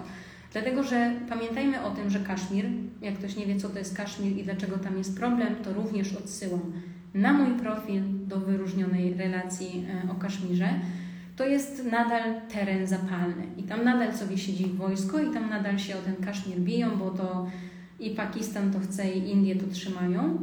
E, więc nigdy nie ma gwarancji stuprocentowej, że jest e, super bezpiecznie. I jak ja Wam powiem, tak, pewnie wbijajcie, bo tam w ogóle jest mega luz, a potem się coś wydarzy, to ja jakby nie będę brała na siebie odpowiedzialności za to, bo jak jakiemuś Pakistańczykowi akurat, przepraszam, że tak powiem, no ale okej, okay, jakiemuś terroryście mm, przyjdzie do głowy, żeby coś tam akurat zbombardować, a Wy będziecie w okolicy, e, no to też się tak może zdarzyć. To nie jest co prawda jakieś, jakieś notoryczne i raczej jest tam spokój, ale y, to mniej więcej tak jak z Nepalem. Byłam dopiero co w Nepalu, miałam zaraz jechać do Nepalu, a tu o teraz spadł samolot, o tu teraz są trzęsienia ziemi, no i co teraz komuś powiedzieć, kto chce jechać do Nepalu? No jechać czy nie jechać? No, no jak już mam bilet, to bym pojechała, jak nie mam, to bym się może zastanowiła, bo bym poczekała, czy te trzęsienia to one się jakoś pogłębią, czy nie. Więc tak samo jest tutaj z przypadkiem bezpieczeństwa w Kaszmirze. E, czy na lotnisku kupić kartę internetową? Tak, kupić na lotnisku. E, czy ciężko będzie żyć polskiej dziewczynie na wiejskiej wsi? To już było. Tak, pociągowe. A, czyli rewolutem. No to widzicie, no to czyli rewolutem się udało, czyli gratulacje. Mm, ja tak czy inaczej uważam, i to jest też dość międzynarodowe moje podejście, że zawsze lepiej mieć przy sobie gotówkę Dlatego, że nic Was nigdy tak nie uratuje, jak to, że macie gotówkę. Dlatego, że jak już wspomniałam w Indiach, te bankomaty mogą być, ale nie muszą. Jak są, to nie zawsze działają, albo nie chcą wypłacać pieniędzy, albo mają jakieś prowizje i może się okazać, że będziecie potrzebować tych pieniędzy i nie będziecie w stanie ich wyciągnąć, albo będziecie chcieli zapłacić kartą, a na przykład karta nie będzie przechodzić. Dlatego nic nie jest tak przydatne w podróży jak jakaś, jakieś zaskórniaki w śmierdzącej skarpecie. E, bilet można pokazać w telefonie, czy lepiej, żeby był wydrukowany. E, w Indiach generalnie lepiej wszystko drukować. Oczywiście można pokazać e, w telefonie, natomiast Indusi uwielbiają papierki. Więc jak ja podchodzę do jakiejś kontroli mm, paszportowej, czy jak jeszcze były w Indiach sprawdzane te deklaracje zdrowia, to oni nie chcą tego na telefonie, oni zawsze to lubią w papierze. Więc myślę, że papier zawsze się sprawdzi. Jeżeli możesz wydrukować, to drukuj. E, dzięki za wszystkie podpowiedzi. Twój profil to dla mnie kopalnia wiedzy o Indiach. Robisz super robotę. Bardzo dziękuję. A co jeśli potrzebujemy dużo internetu? E, do pracy wymaga na przykład przesyłanie filmów, na przykład potrzebujemy 200 giga miesięcznie, to też na karcie SIM, czy, czy lepiej jakoś inaczej? Ja myślę, że ktoś, e, tak jak Wy, moi drodzy, e, akurat tutaj, którzy zadajecie pytania uważne głowy, podróżuje, to ja bym rozpatrzyła opcję kupienia sobie, są te takie międzynarodowe takie routery, nie wiem, ja kojarzę Uridu coś takiego miało i jakieś, widziałam chyba raz Ewa Chojnowska polecała jakieś XOXO.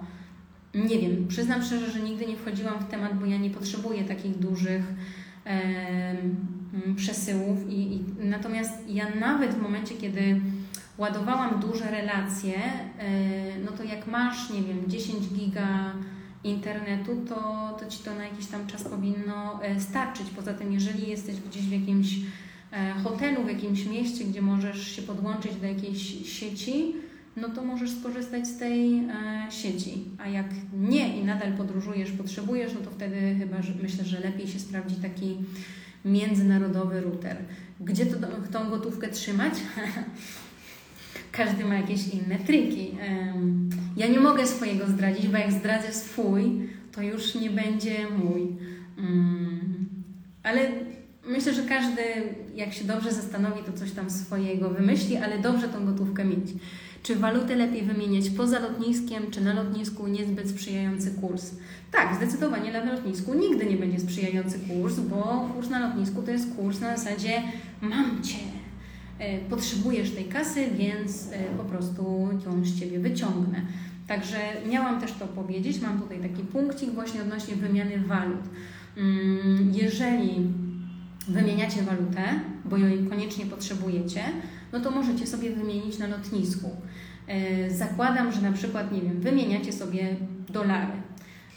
Tu od razu, o, jeszcze jedna bardzo, bardzo, bardzo, bardzo ważna uwaga do podróży w Indiach i w Azji w ogóle, proszę sobie to zaznaczyć, podkreślić dwoma czerwonymi kreskami, pogrubić. Jak podróżujemy do Indii, jak podróżujemy do Azji, to bierzemy nowe, niepodarte, niepopisane, niepoklejone, nieznakowane żadne e, pieniądze. I teraz najlepsze pieniądze to są nowe, jeżeli bierzemy dolary, nowe, czyli te niebieskie setki, niebieskie. Nie z 2000, e, nie wiem, 9, 13, tylko te najnowsze niebieskie setki. Te najnowsze niebieskie 100 dolarówki to są pieniądze, za które czy to będą Indie, czy to będzie Nepal, Indonezja, Kambodża, Tajlandia, whatever, dostaniecie za nie najlepszy kurs. I teraz, jak już się nawet ucieszycie, że ha, ha, ha, mam te niebieskie setki, to nie bądźcie tacy hop do przodu, bo teraz biorąc w kantorze takie niebieskie setki, każdą sprawdzamy z dwóch stron.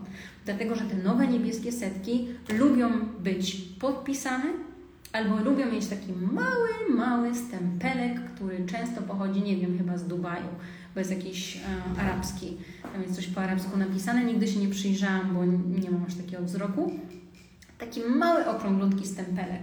Jak ten stempelek jest na tej 100 dolarówce, to oni już go nie wezmą. Więc jeżeli jedziemy sobie tutaj i wieziemy sobie nasze euro lub dolarsy i teraz będziemy sobie wymieniać, to pamiętajcie, żeby były to pieniądze najlepiej, tym bardziej, że już mamy 20-23 rok, te wydane po 2013 roku. Nie daj Boże, nie daj Boże, żebyście mieli dolary z małymi główkami, te takimi jajowatymi. Nie daj Boże. Te sprzed 2009 to w ogóle do kosza. To sobie możecie wymienić, nie wiem, jak do Stanów Zjednoczonych pojedziecie, albo w kantorze w Polsce, to Wam chętnie wezmą. Nie daj Boże mieć w Azji pieniądze sprzed 2009, setki nie niebieskie, bo takich setek z 2013 też mi ostatnio nie chcieli przyjąć. I jeżeli macie, e, ten pieniądz jest naddarty, zagięty, nie wiem, brzeżek jest brudny, jest jakiś, nie wiem, coś zabrudzony, nie jest ładniutki, nowiutki, to też najczęściej tego nie chcą. A jeżeli już nawet ktoś Wam przyjmie te mniejsze banknoty, to, wa, to da Wam za nie niższy kurs. Czyli zakładam, że przyleciałam właśnie do Delhi i chcę sobie wymienić pieniądze na moją podróż miesięczną po Indiach. Co zrobię? Na pierwszy rzut wezmę tą swoją piękną, nową 100-dolarówkę niebieską i owszem, pójdę, wymienię ją w tym kantorze na lotnisku, bo może będę potrzebowała kupić sobie kawę, herbatę, samosę i zapłacić panu stuktuka. Więc jak wymienię sobie, to ten kurs będzie się różnił może jakoś minimalnie, czyli powiedzmy oficjalny kurs jest, nie wiem, 80 rubli za dolara, a na lotnisku będzie 76 rubli za dolara. Więc przy tych 100 dolarach jeszcze wiele nie stracicie, w jedni nie, z torbami nie pójdziecie. Natomiast docelowo, jeżeli planuję wymienić sobie więcej, bo jestem w tych Indiach dłużej, to wtedy e, wymieniam sobie u cinkciarza. No więc tacy cinkciarze, bo jakby oczywiście mamy kantory, więc może być to jakiś oficjalny kantor, czyli na przykład jest biuro podróży i tam będzie też kantor, bo tak to najczęściej działa. Dlaczego biuro podróży jest w Indiach połączone z kantorem? Dlatego, moi drodzy, że to jest miejsce, gdzie się pierze brudne pieniądze. Nic innego. I taki pan cinkciarz, na przykład, jeżeli on by przyszedł do mnie do domu, to nawet jeżeli oficjalny kurs jest 80 rubli za dolara, to taki pan cinkciarz na przykład da mi chętnie 85. Jeżeli ja będę miała nowe niebieskie setki, to on bardzo chętnie da mi po wyższym kursie niż kurs oficjalny. Dlaczego? Dlatego, że wiele osób, na przykład w krajach takich jak Indie i inne azjatyckie kraje, chcąc wyjechać za granicę, będzie wymieniać pieniądze w drugą stronę. I będzie to robić po kursie takim, żeby tą walutę nabyć, i wtedy dlatego ten kurs na nieoficjalnym rynku potrafi być wyższy niż ten kurs na rynku oficjalnym. Oczywiście nie chodzi teraz o to, żebyście e, wchodzili w jakieś, e, nie wiem, brudne interesy i wdawali się, e, nie wiem, w pranie brudnych pieniędzy. Ja z zasady też szukam osób, które wymieniają po kursie, taki jaki jest oficjalny kurs. Więc idziecie na przykład do takiego biura podróży, które ma kantor, które w momencie, kiedy Wam wymienia te pieniądze, jeżeli jest certyfikowanym biurem, to ma tam, e, sprawdza Wasz paszport, przelicza te pieniądze, e, wydaje Wam kwit i Wy z tym kwitem sobie odchodzicie i ten kwit ze sobą trzymacie. Więc takiego kwitu ja nigdy, nigdy, nigdy, przenigdy nie wyrzucam, dlatego że jeżeli przyszłoby Wam do głowy, żeby później te wymienione pieniądze wymieniać w drugą stronę, to najczęściej tego kwitu później potrzebujecie. E, a masz doświadczenie z banknotami euro. Z euro raczej nie ma problemu, bo one w większości są wszystkie nowe i wyglądają tak samo, więc z euro nigdy nie miałam problemu. Znaczy wiadomo, jak będzie zniszczony albo brudny, tego też nikt nie weźmie. A u takiego cinkciarza jest bezpiecznie kupować waluty. Chodzi mi o to, czy nie zostaniemy, dostaniemy fałszywek. No to zależy właśnie mm, e, skąd jest ten cinkciarz. Dlatego, że przykładowo, jeżeli ja mam autokar pełny turystów i ja wiem, że teraz zatrzymam się na jakiejś ulicy przy jakimś kantorze, to zaraz koło nas się zbierze cały tłum um, osób zainteresowanych tym, co tam się dzieje. Więc ja wtedy proszę oficjalne biuro podróży o to, żeby oficjalnego cinkciarza mi przysłało do autokaru i w autokarze bezpiecznie każdy z moich turystów sobie te pieniądze e, wymienia. Więc teraz nie o to chodzi, żebyście dzwonili gdzieś tam po jakichś, wiecie, szemranych cinkciarzach, których znajdziecie na OLX-ie i się umawiali e, gdzieś tam e, za rogiem pod budką z samosami. Zróbcie to w jakimś normalnie biurze podróży, natomiast cinkciarze jak najbardziej w Indiach działają. Hej, hej, Moniko, dzięki za info, bardzo proszę. Dobra, idziemy dalej, bo ja tu sobie muszę podhaczać. To mamy, to mamy, mm, dni zamknięte mamy, płatności mamy, chyba że coś jest jeszcze niejasne z płatnościami, to piszcie. Ważna rzecz, ważna rzecz dla Polaków zwłaszcza. Jak Polak jedzie na wakacje, zwłaszcza do Azji, wiadomo, tam się można zatruć, to co Polak ze sobą wiezie? Polak ze sobą wiezie alkohol, bo nic tak dobrze nie działa jak seteczka na zdrowotność. No więc jeżeli, czy tam pięćdziesiąteczka. No więc jeżeli macie taki ambitny plan, żeby jadąc do tych brudnych, brudnych, biednych, jakie one tam są jeszcze? Brudne, biedne, i śmierdzących, do tych brudnych, biednych, śmierdzących Indii, jak już się tutaj wybieracie do mnie, to pamiętajcie, że oficjalne prawo jest takie, że na osobę można wwieźć litr alkoholu i wagon papierosów, nie więcej. Ok? Czyli jeżeli przyjdzie Wam do głowy, żeby coś sobie kupić na strefie wolnocłowej, to bardzo proszę, możecie sobie kupić. Ewentualnie wieziecie sobie na przykład w walizeczce kulturalnie jakąś buteleczkę whisky albo wódki. Natomiast po przylocie, czy to do Delhi, czy do Bengaluru, czy do Mumbai, zanim jeszcze wyjdziecie, to też są takie sklepy wolnocłowe. Jeżeli byście potrzebowali dokupić, no bo jesteście bardzo długo i ta zdrowotność jest dla Was niezwykle ważna, to wtedy możecie sobie tam na miejscu e, jeszcze w takiej strefie wolnocłowej mm, dokupić. Dlaczego to mówię? Dlatego, żebyście nie mieli problemu z cłem, to po pierwsze, a po drugie, dlatego, że jeżeli rzeczywiście wyjdziecie z założenia, że nie no, coś się trzeba napić, bo jak się człowiek nie napisie, to się człowiek struje, to w Indiach Wam trochę to e, uderzy po kieszeni. Oczywiście można iść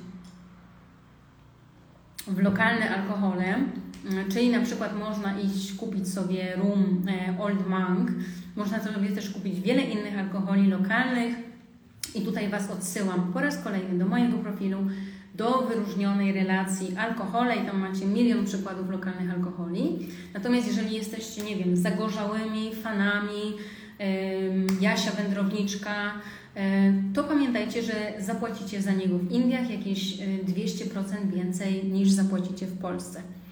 A jak to wygląda z bezpieczeństwem w Indiach, jeśli chodzi o włamania? Przewoźnicy ze sobą dosyć, przewozimy ze sobą dosyć drogi sprzęt. Powinniśmy zwracać uwagę, żeby w wynajmowanym lokalu był jakiś safe czy coś.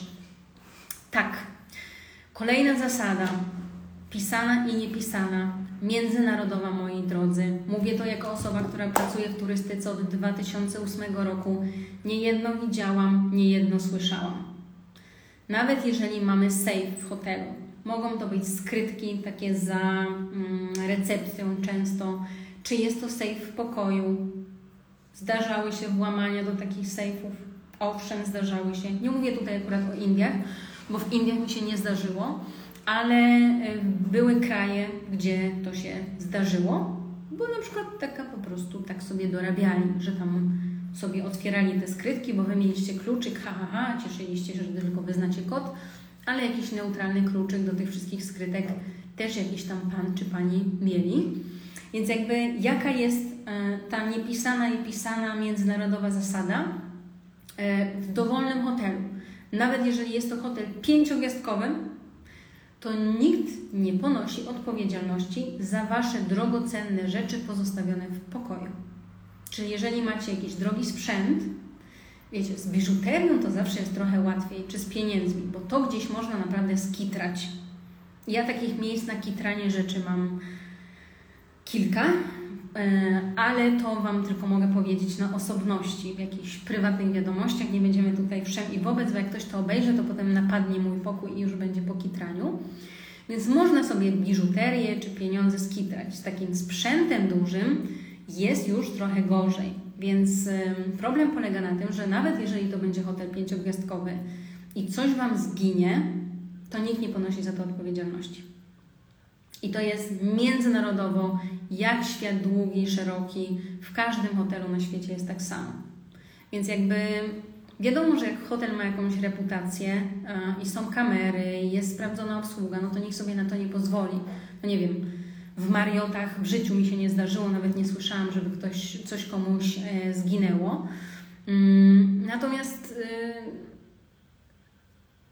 nie dam sobie nigdy ręki uciąć. To tak samo jak na przykład mm, często prowadzę wycieczki, które docelowo są wycieczkami autokarowymi. I jestem w miejscu po raz enty, mam swojego przewodnika, mam swojego kierowcę i mimo wszystko mówię zawsze swoim turystom w autobusie, nie zostawiajcie nic w autokarze.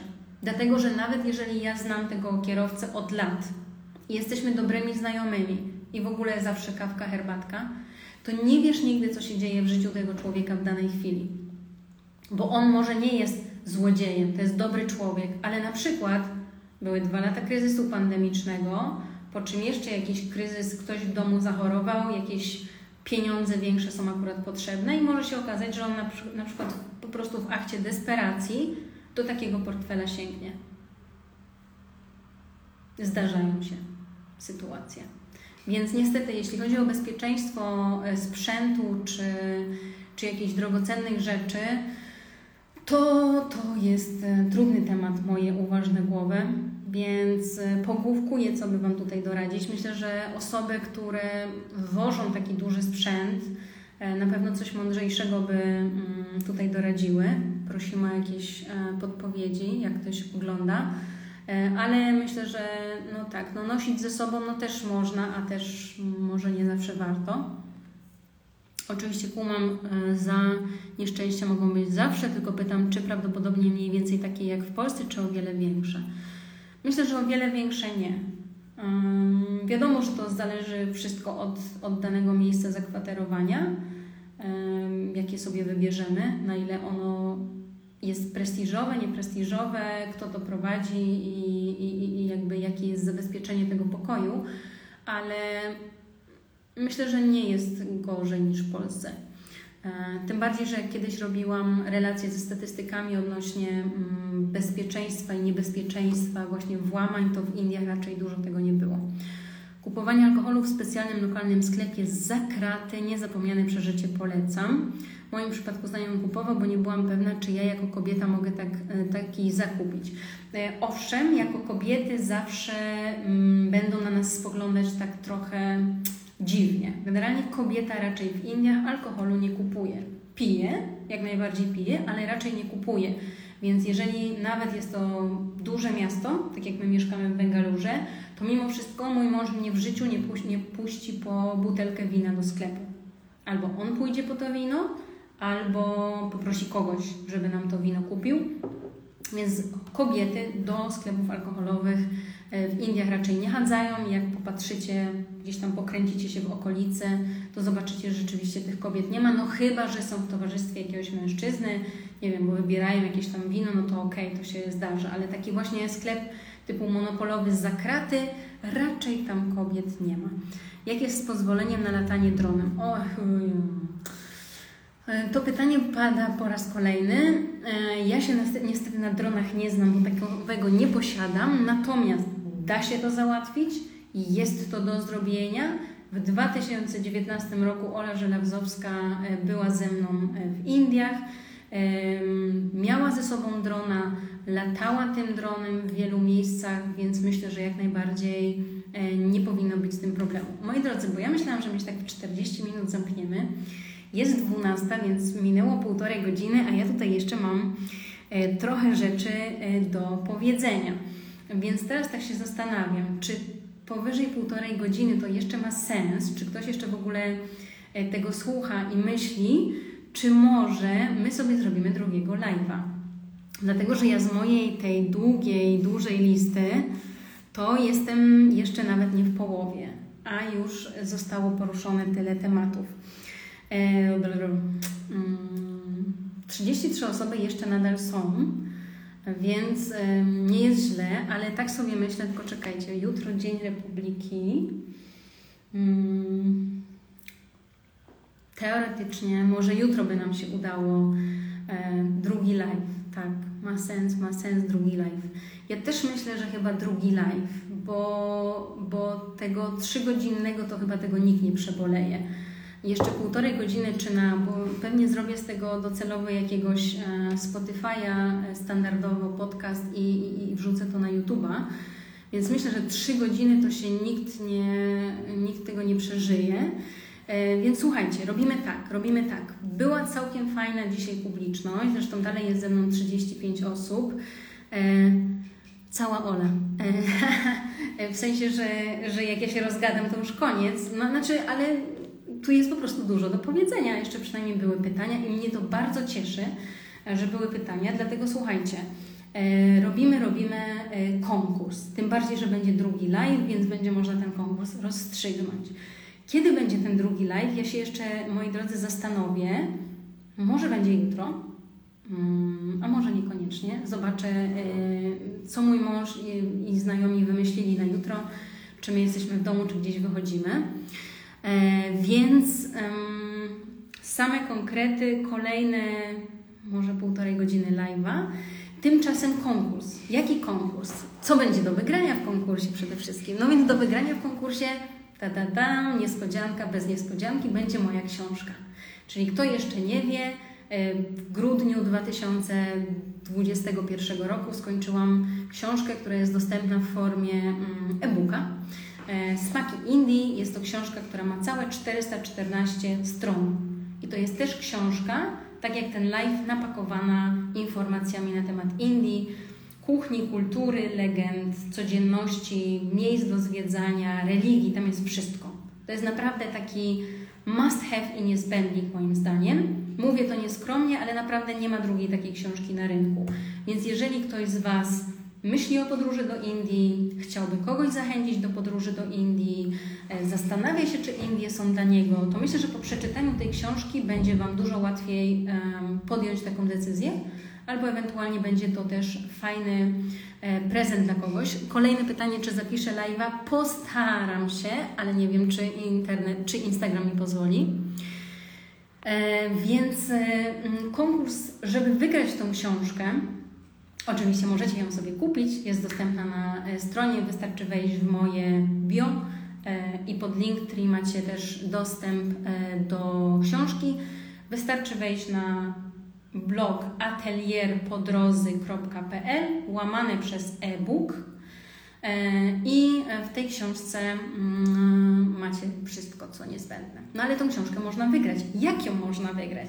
No więc można ją wygrać w taki sposób, że moi drodzy, jak już zakończę ten live i go postaram się zapisać mm, i jakaś bytność po nim zostanie w takiej czy innej formie, to proszę Was, żebyście udostępnili tego live'a u siebie w relacji, oznaczyli mnie pod tym live'em i ja sobie spiszę te osoby i następnym razem karteczki, jak będzie następny live, zrobimy losowanie i oficjalnie wyciągniemy zwycięzcę.